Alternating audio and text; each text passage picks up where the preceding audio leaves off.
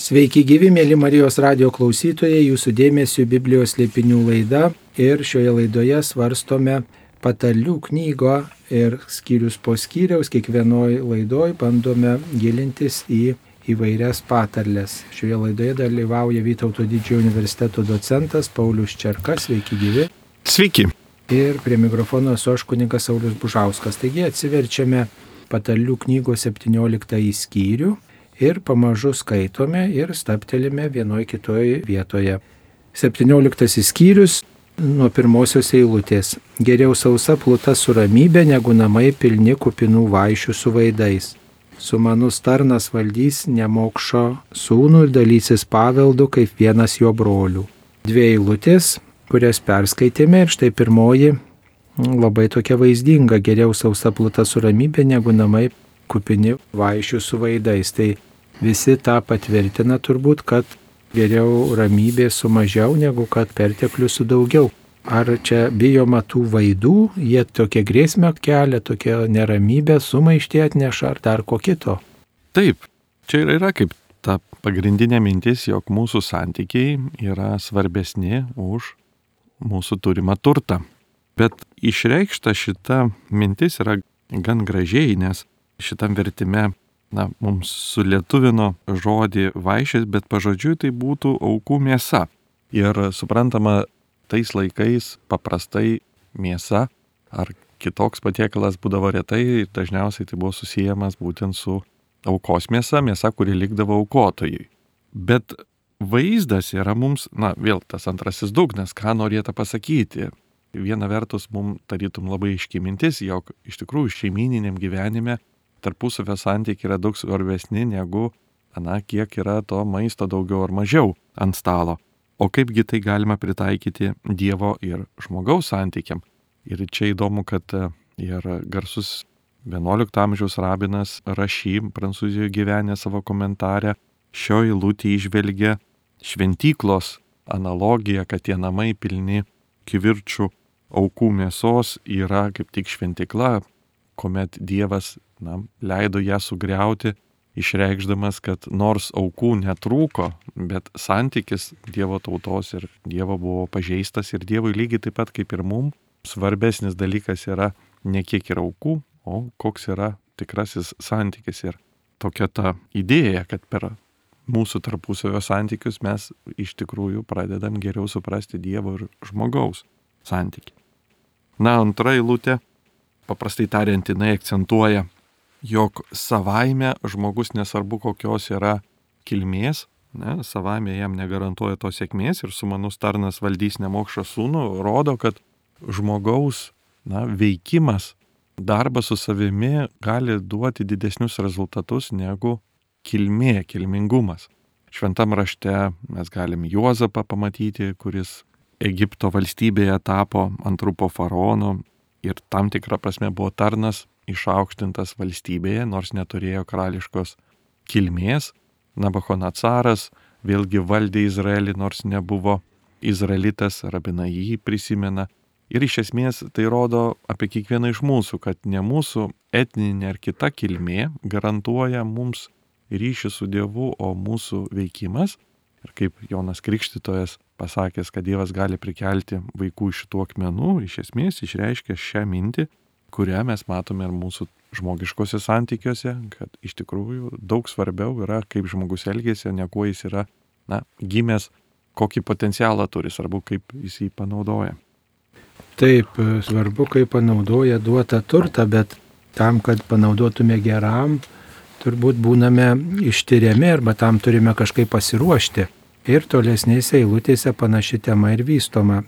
Tiglis sidabrui, krosnis auksui, o širdį išbando viešpats. Nedorilis klauso nedorų lūpų, melagis pikto liežuvio. Taigi jau galime pasakyti, kad nedorėlio ir melagio ne tik tai lūpos ar liežuvis nedori, bet taip pat ir širdis net laiko turbūt išbandymo. Gal ir kryškelėse žmogų viešpats siunčia, kad jis būtų ištirtas ir tiesiog geriau suprastų, kurią pusę renkasi. Taip, čia toks pastebėtas dalykas yra, kad žmogus, kuris apgaudinėja kitus, na, kažkuriuo metu yra apgaunamas taip pat kitų panašių į jį. Ir, sakykime, netgi galima tą idėją pritaikyti dabartiniam karui Rusijos prieš Ukrainą, jog, na, ekspertai bandydami suprasti, kodėl Rusija pervertino savo jėgas, įvertina ir tai, kad jį pati, jos ideologai įklimpę į sąmoningą melą, kažkuria prasme pradeda juo tikėti ir, ir apsigauna patys, galim pasakyti, ir įklimsta. Tai čia šiuo atveju būtų ta taip pat idėja išreikšta. O dėl to išbandymo, kuris yra, na, bibliniai kalboje labai dažnai palyginamas su metalo perdirbimu, sidabro ir aukso, sakykime, metalurgija, kasdieniniam gyvenime mes su to nesusidurėm, tačiau iš principo auksas ir sidabras, kuris randamas natūralioje aplinkoje, jis nėra toks, kokį mes naudojame jį savo na, pošmenuose ir juvelyrikoje. Jį būtina paruošti.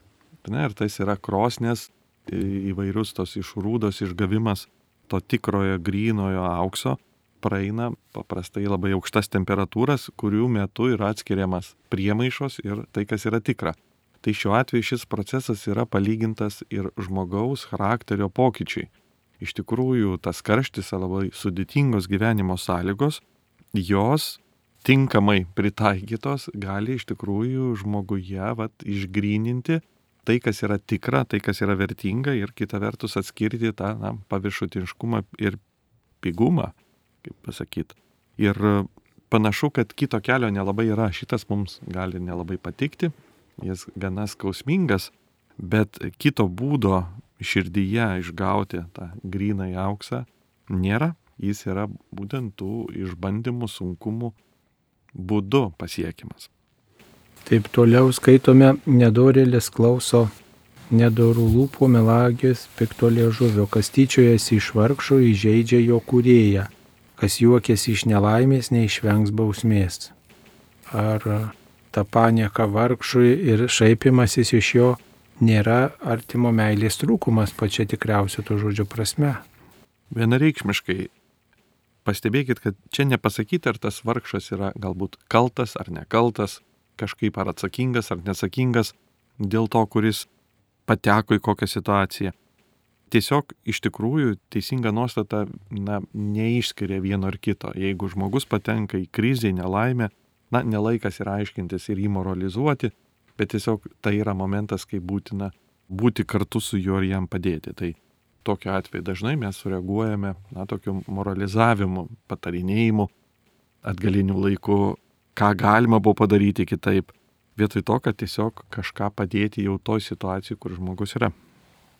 Dar vienas dalykas, tai tas juokas, šita patarlė tokia kaip juokas iš to silpno žmogaus turbūt reiškia, kad viešpats yra nepaprastai arti silpnojo ir tiesiog yra jo advokatas.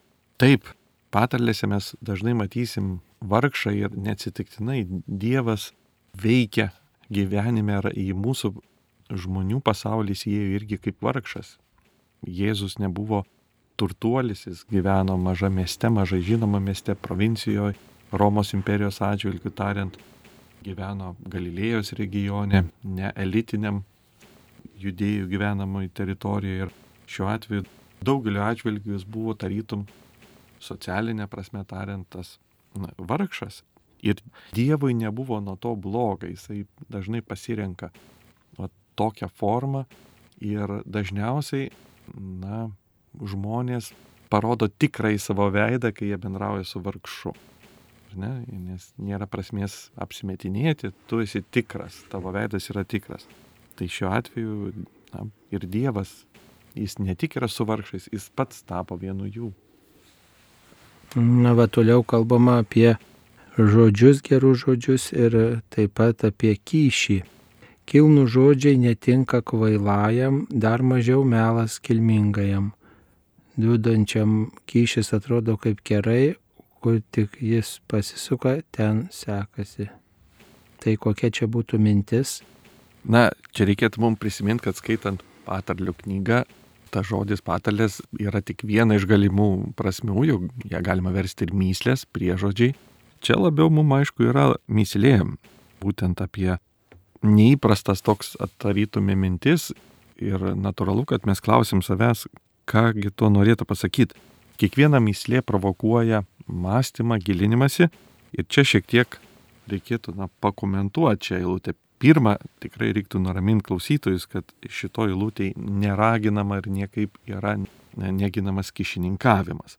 Va. Bet joje yra konstatuojamas tam tikras socialinis ryškinys ir nors išversta yra kyšis, iš tikrųjų hebrajiškas žodis šohad yra šiek tiek universalesnis, jis priklauso nuo konteksto, jis reiškia dovaną, kurią bandoma įsiteikti dovana, kurią bandoma užmėgsti santyki, ar ne? Tokia įsiteikimo dovana, kontakto sukūrimo dovana. Taip, tam tikram kontekste jis gali būti kyšis, bet gali ir nebūtinai jo būti.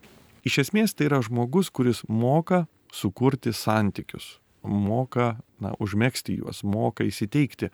Ir tenka pripažinti, žiūrint grinai iš socialinės pusės, toks žmogus gana yra sėkmingas savo veiklose, jis turi daug reikiamų kontaktų, na ir savo iššūkius lengvai sprendžia. Dabar kaip tai galima na, pritaikyti ir ko iš to pasimokyti? Galima galbūt prisiminti Jėzaus palyginimą Luko Evangelijoje apie draugų darimą neteisiosios mamonos pagalba.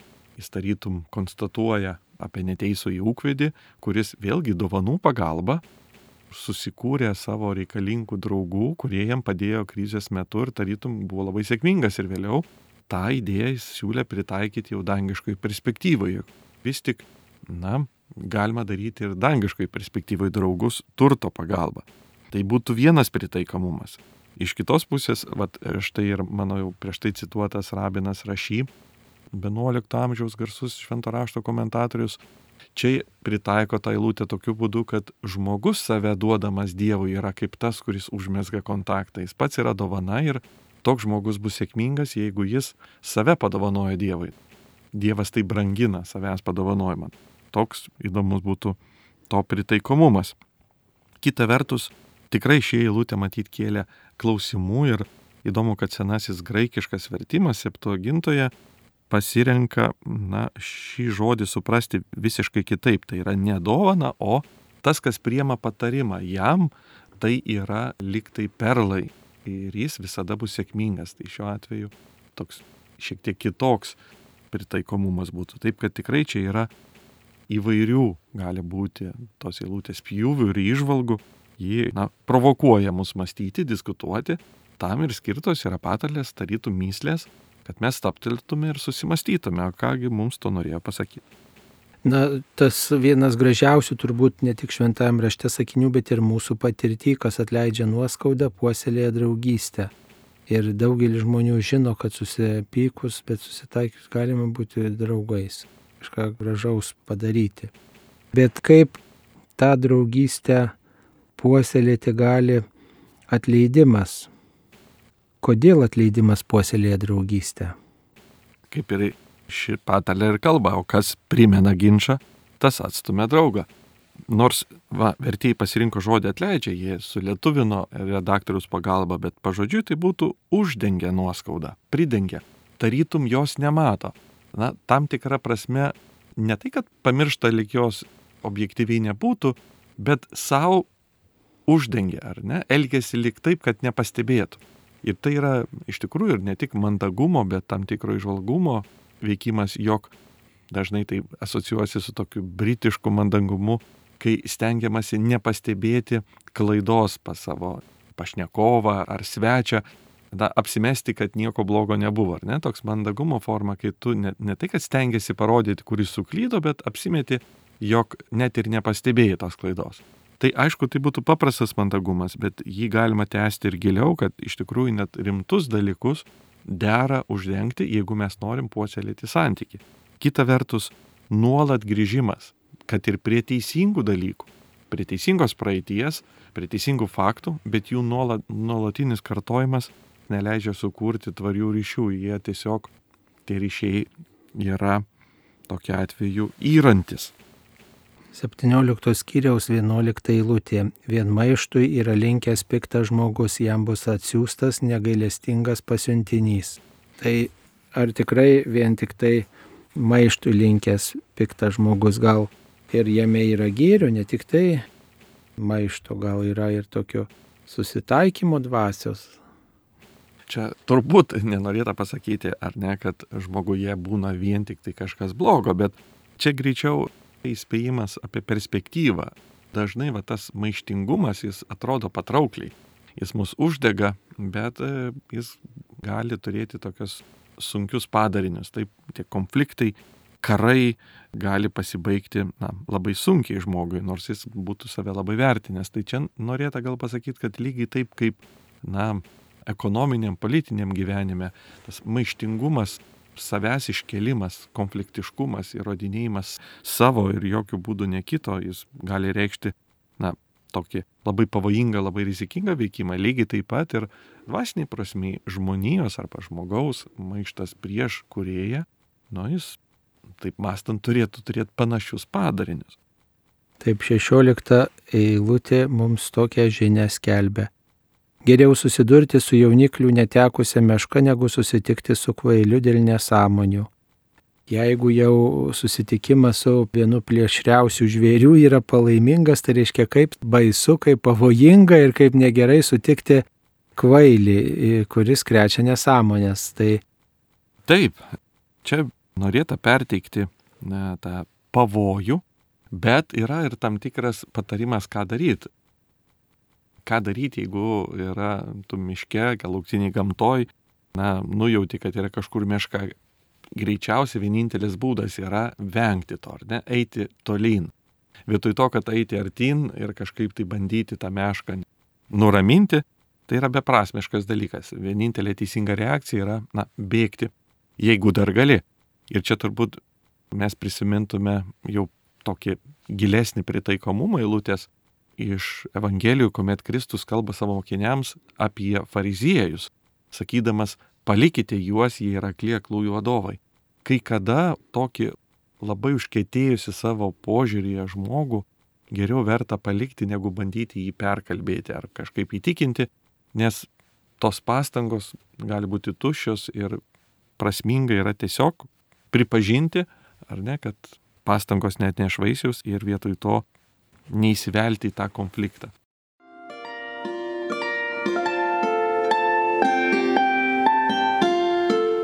Jūs girdite Marijos radiją.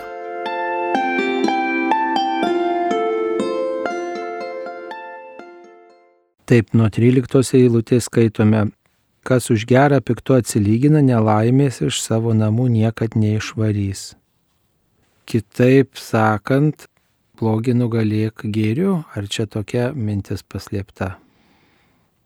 Na, taip, tai yra tas teisingas vaistas prieš blogį, bet čia mums įspėjimas yra, jog nedėkingumas, ypatingai tiems, kurie mums buvo geri, jis tokiu būdu persiduos mūsų pačių namams arba šeimai ir atsigręž prieš patį žmogų, nes norint, kad, na, pavadinkime taip, kaip ir lietuviška tokia pasaka, ar ne, kai tėvas veža senelį į mišką palikti, tai jau anukėlis klausia, kad rogių nepalik, nes jau dar man prireiks. Ir iš esmės ką tai reiškia, kad tėvas parodo nepagarbą savo tėvui, tai yra atsilygina piktų už gerą, bet jeigu jis taip darys, rezultatė, na, tas persiduos ir jo vaikams.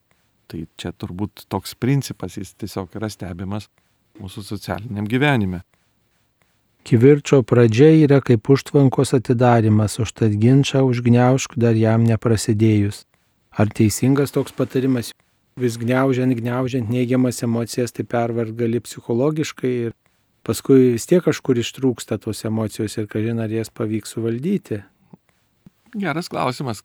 Kaip tas emocijas reikia išsakyti ir tuo pačiu netidaryti užtankos. Bibliniai kalboje dažnai kalba arba vartai, burna yra mūsų tarytum visos esaties vartai, per kurią kažkas įeina ir išeina. Ir kartais, jeigu yra labai prisikaupęs spaudimas, tu atidarai labai nedaug, neketindamas kažko padaryti, bet vėliau, na, nebekontroliuoji. Sakoma apie karą taip pat, kad tu jį gali pradėti ir kada pradėti kontroliuoji, bet kada užbaigti jau nebegali, nes procesai tampa nebevaldomi. Panašiai ir žmogui yra, kuris paleidžia porą įžeidimų, išsako tą agresiją ir jam atrodo, kad viskas to pasibaigs, o iš tikrųjų viskas to tik prasideda ir vėliau tampa na, labai sudėtinga tą potvinį valdyti. Tai šiuo atveju nenorėta pasakyti, kad nereikia atvirai kalbėtis. Taip, bet turbūt reikia tam pasiruošti ir jokių būdų nereiktų kalbėtis tada, kai tu esi ypatingai stipri emociškai, na, jauti arba didelį pyktį, arba didelį liūdėsi. Galbūt tą patį momentą reiktų atidėti ir pagalvoti, ką pasakyti. Tai va, tie veiksmai būtų kaip tik neginčio užgniovimas, o problemos gal sprendimas, tiesumas. Taip Skaitome toliau, bičiulis visada yra bičiulis, o brolis gimęs vargu dalytis. Tai ką norime pasakyti? Na, čia norėtų pasakyti, yra sunkus ir geri laikai. Ir draugas, tarytum, yra ir tada, kada yra tau gerai, tu nori su juo švęsti, ir draugas yra tada, kada tau yra blogai.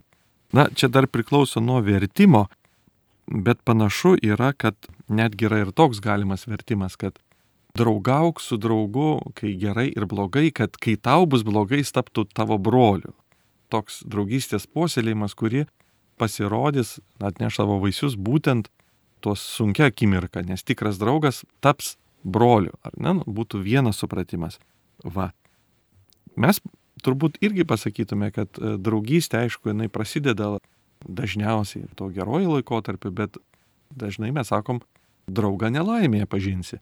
Toje nelaimėje yra pasirodo, kas yra kas ir, ir iš tikrųjų kažkas gali pasirodyti tau kaip tarytum brolis, nors gal tikrąją to žodžio prasme tu ir neturi to brolio, bet e, draugas nelaimėje tau atstos broli. Čia idėja tokia, kad krizės atskleidžia mūsų santykių tikrovę ir jeigu mes pažįstame per krizės, kas yra mūsų tikrieji draugai, kaip labiau Dievas pažįsta per sunkumus, kas yra jo tikrai garbintojai. Idėja yra ta. Taip. Neprotingai elgesi, kas rankas sumuša laiduoti, kas tampa užstatu savo kaimynui. Žmogus mėgstantis nusikaltimą kelia kivirčius, kas dedasi namuose aukštą slengsti, užsitraukia nelaimę. Dėl to slengščio, ar ne, kažkoks klausimas. Turbūt apie tai, bet pažodžiui yra aukštos duris. Ir čia jau vertėjai, na, parenka, ar tai yra slengstis aukštas, ar tai yra vartai aukšti, bet idėja yra tokia, mes jau hebrajų kalboje ar duris vartai, argi nasrai, iš esmės atitinka tas pats, atitinka tas pats žodis, nes ar burna netgi, nes tai, kas vartai yra į namus, tai tarytum, na, burna yra į žmogų. Todėl viena vertus tarytum yra namai su aukštom e, durim, bet alegorija yra nuoroda į žmogų, kuris giriasi, kuris kalba iš didžius pareiškimus apie save, tarytum turi aukštą burną, ar ne, toks aukštus vartus. Tai labai dažnai, jeigu mes paklausim, vad, kodėl žmonės ginčijasi, ar ne, kodėl jie nori įrodinėti kažką, kodėl jiems taip svarbu, dažniausiai priežastis yra norėjimas parodyti save, norėjimas parodyti, kiek aš daug žinau, norėjimas parodyti na, savo pranašumą ir va tas norėjimas būti svarbiu, žinomu, jis dažnai veda į konfliktiškumą, į ginčą, nes už to slypi norėjimas save pademonstruoti. 20 ir 21 eilutės. Sukto širdies žmogui nesiseka, o kuris melagingai kalbai puola į bėdą, kas pagimdo kvailį turi vargo, avigalvio tėvui nėra džiaugsmo. Ar čia turime galvoje fizinė tėvystė ar dar kažkas kito? Na, čia daugiau yra perteikimas iš principo, sakykime, mūsų gyvenimo siekių apibendrinimas. Mes beskaitydami šiek tiek ir prašokome šeštą eilutę apie senelio vainikas yra jų anūkai, vaikaičiai, vaikų pasididžiavimas jų tėvai. Daug kartų, sakykime, pabrėžiamas, kad žmogaus kažkuria prasme pasiekimai matosi jo na, šeimoje ir, ir jo sekančioje kartoje. Nes užauginti vaikus, ar ne, tai yra ilgalaikis projektas ir jie atspindi daugelį dalykų. Tiek sėkmingų, tiek nesėkmingų. Ir tai tarytum apibendrina, kaip žmogui sekėsi, ar ne, daug ką nuveikti. Panašiai yra paštalas Paulius, rašydamas laiškus savo įsteigtom bažnyčiom, jisai sako tą pačią mintį, kad jūs esat mano vaikaičiai pasididžiavimas tarytum, ką aš pasiekiau ir dėl jūsų aš kovoju ir siekiu na, kad jūs liktumėte išmintingi viešpatie, tai jau ta ir dvasinė tėvystė pasirodo tokiu būdu. Bet principas išlieka tas pats. Tai šiuo atveju turbūt norima pabrėžti, kad daug ką, ką mes darome, ar bažnytiniai veikloj, ar socialiniai veikloj, ekonominiai veikloj dažnai, na, mes galime įvertinti tom sekančiom kartom, ar jos perima ar neperima mūsų na, vertybės, mūsų įsitikinimus ir ar juose yra tie rezultatai. Linksma širdis yra geras vaistas, o niuridvase džiovina kaulus. Tai gal ta linksma širdis, tai ne tik tai turima galvoje tokia gera nuotaika, bet ir galbūt tikėjimas toksai, pasitikėjimas, viltis, kažkokia tokia svari priežastis, dėl ko reikia džiaugtis, dėl ko giliai žmogus džiaugiasi. Taip, tikrai džiaugsmas, mes kartais darom skirtumą tarp va, džiaugsmo ir linksmumo, jog linksmumas yra tik tai išorinis juokas, o džiaugsmas yra kažkas giluminio. Bet patarlėse dažnai yra atkartojama ta idėja įvairiom formom, mes jau ne vieną kartą ją sutikom, jog iš esmės žmogus sunkumus pakelia priklausomai nuo to, koks jis yra viduje tas vidinis nusiteikimas gali reikšti daug daugiau ir nulėmė daug daugiau dalykų negu išorinė, sakykime, gyvenimo sąlygų lengvumas ar sunkumas, išorinė padėtis. Ir psichologija tai patvirtina, kad dažnai žmonės patekę į ypatingai kritinės situacijas, net į konslagerius, vėliau ištyrus paaiškėja, kad geriausiai išgyveno ir geriausiai pakėlė ne tie, kurie galbūt gavo geresnį davinį maisto, bet tie, kurie turėjo tą vidinę širdį, vidinį nusiteikimą. Nes jeigu jau tu jį prarandi, tai tavęs jau niekaip gyvenime ne, nebepakelsi, tu esi palūžęs, bet jeigu turi tą vidinę jėgą, net jeigu išoriškai ir būtų tau sunku, pasirodo, žmogus gali labai na, stipriai laikytis ir toliai eiti. Tai čia yra perteikiama būtent tai, kas, na, linksma širdis, tas vidinė mūsų valia, jeigu joje yra džiaugsmo, nors išorė gali būti labai liūdna diena, žmogus iš esmės joje bus geros, ne tai kad nuotaikos, bet toks veržlus, ar ne? Ir iš kitos pusės, nepaisant to, kad gali būti viskas labai gerai ir pinigų yra, ir, ir, ir problemų nėra, bet jeigu viduj yra palūžusi dvasia, tai tarytum slegia ir žmogus gali patekti depresiją, štai paaiškintų, kodėl kartais nusižudo ir milijonieriai, nors mes sakytume, jis tikrai kažkokių problemų neturėjo, neįsprendžiamų. Bet užtuma širdį buvo. Bet užtuma širdį ir vat, tarytum tas liudesys, neturėjimas to vidinio džiaugsmo, veda jį tarytum neįsprendžiamą situaciją. O atvirkščiai gali pamatyti žmogų, kuriam tiek daug sunkumų, tiek daug tarytum nesėkmės, bet vat vidinė jėga yra pas jį ir matai, kad jis veržiasi ir tarytum nesiskundžia. Taip, toliau skaitome 17 skyriaus 23 eilutė kalba apie kyšį. Nedoras žmogus traukia kyšį iš skraito, kad iškreiptų teisingumo taką. Čia gali būti, kad ir kyšį duoda ir ima.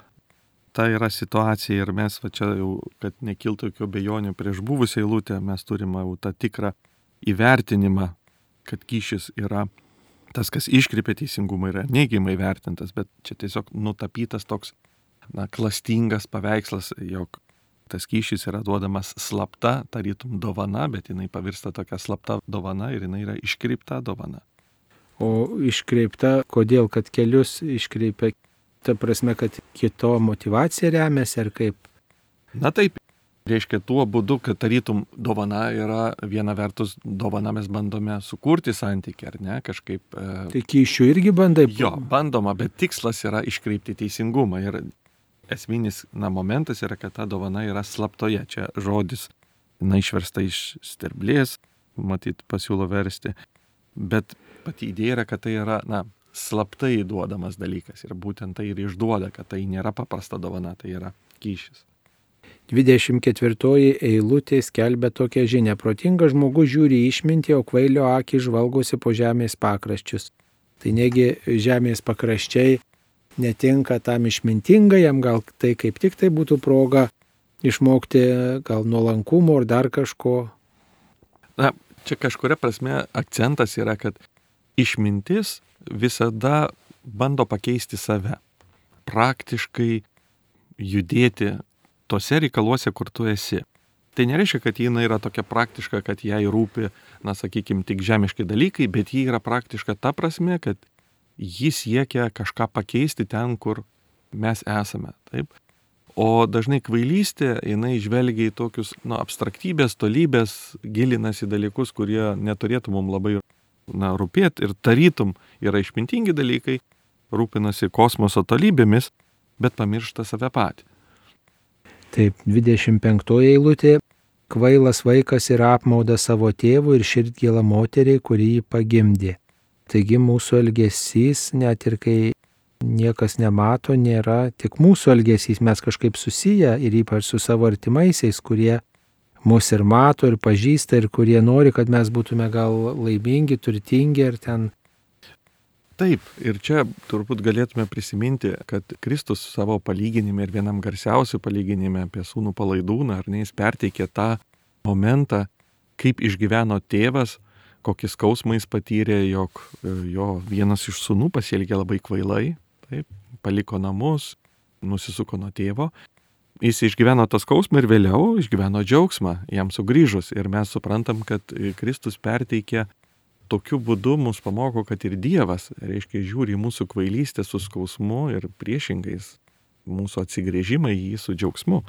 Na, motina dažnai būtų kaip bendruomenės pavyzdys, ar ne, ar kaip iš tikrųjų, jeigu tikra autentiška bendruomenė, kuriai mes priklausom, jinai visada išgyvens dėl savo nario tam tikrų klaidingų pasirinkimų ar nuodėmės, ji niekada nebus ne tai, kad pasyvi, bet išgyvens dėl to, visada laikys tai svarbių dalykų kad kažką keisti.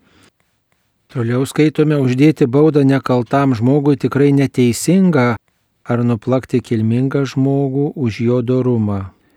Kas yra taupios kalbos, tas tikrai išmintingas, o sveiko proto žmogus yra santūrus. Net kvailys yra laikomas išmintingu, jei tyli, protingu, jeigu laikų užsičiaupia. Na, apie baudą gal reikėtų keletą žodžių tarti, gal žmogus visada yra nekaltas, jį sugundė, jį suvedžiojo, jis pasidavė tokiai galimybei, gal tai neverta kaltinti neteisingumu. Taip, čia mes susidurėm su tokiais fundamentaliais teisingumo reikalavimais ir, na, reikėtų pasakyti, kad ir prieš tai mes turėjom vat, skyriuje vieną eilutę apie išteisinimą, Ir kas yra teisumas, dabar mes kalbam apie baudas. 15 lūtė buvo, kas pateisina nedorelį ir kas pasmerkė teisoje, buvo yra lygiai pasibjorėti ne viešpačiui. Ir šiuo atveju tai na, ta pati mintis, jog Dievas tikrai nebus tas, kurio teismas būtų toksai. Kartais dėja dalis tikinčiųjų mano, kad pavyzdžiui Dievas išteisina mus visai nesvarbu, kaip mes elgiamės, ar ne, tarytum tokiu būdu jisai taptų blogesnis už tą papirktą teisėją, nes jis tokiu atveju nedorėlį laikytų teisiu, nors jis tokiu nėra. Dievo išteisinimas veikia kitų būdų. Jis iš tikrųjų veikia mumise taip, kad nedorėlis tampa teisiu ir tada Dievas jį pripažįsta teisiu. Tai yra vyksta pokytis, išgydymas nuo nusikalstamo elgesio, galima pasakyti taip. Ir pagyjus yra konstatuojama, kad tu pagyjai, tu esi teisus. Tai yra Dievo išteisinimas remiasi tikrų pokyčių, o ne tokiu, na sakykime, paviršutiniškų dalykų, kad jis tiesiog laiko nusidėlį teisiu. Ne, pokytis yra tikras, nes kitu atveju mes turėtume labai neteisingą Dievą, kuris viena vertus vienų žmonės kažkodėl laikytų teisėjais, o kitų žmonės kažkodėl laikytų kaltais, nors ir vieni ir kiti nu, galbūt nesiskiria vienas nuo kito. Tai taip būti negali ir čia mes na, turim suprasti, kad kai skaitom apie Dievo išteisinimą, jis yra tikras, o ne formalus. Apie taupę kalbą reikėtų šitą pasakyti.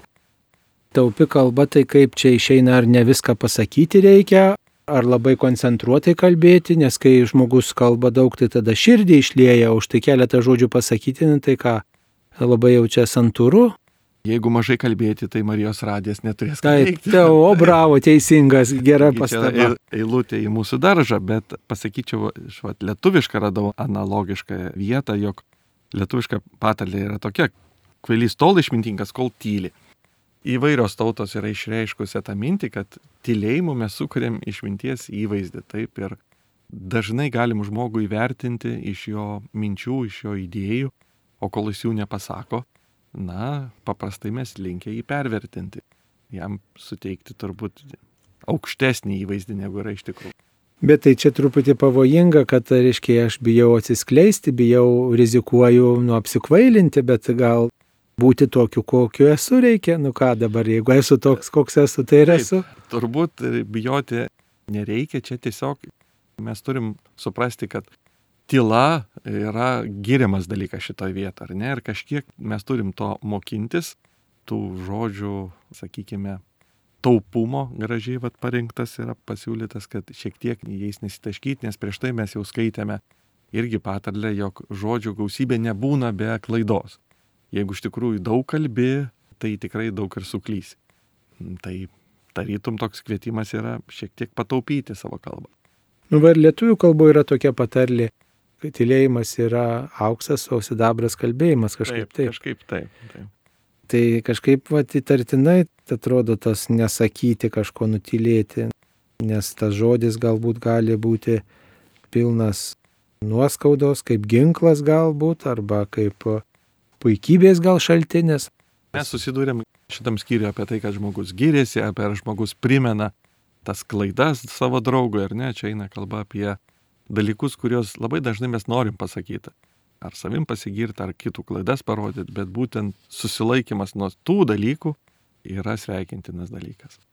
Mėly Marijos radio klausytojai, šioje laidoje Paulius Čerka, Vytauto didžiojo universiteto docentas, kalbėjo apie patarlių knygos 17 skyrių ir tikrai gilinomės į vairias patarlės tam, kad galėtume jas ir gyvenime pritaikyti ir išmokti išminties, išmokti teisingumo, pusiausvėro savo gyvenime ir brangintume tai, ką Dievas mums dovanoja. Prie mikrofono buvau ir aš kuningas Saulis Bužauskas. Ačiū sudė. Sudė.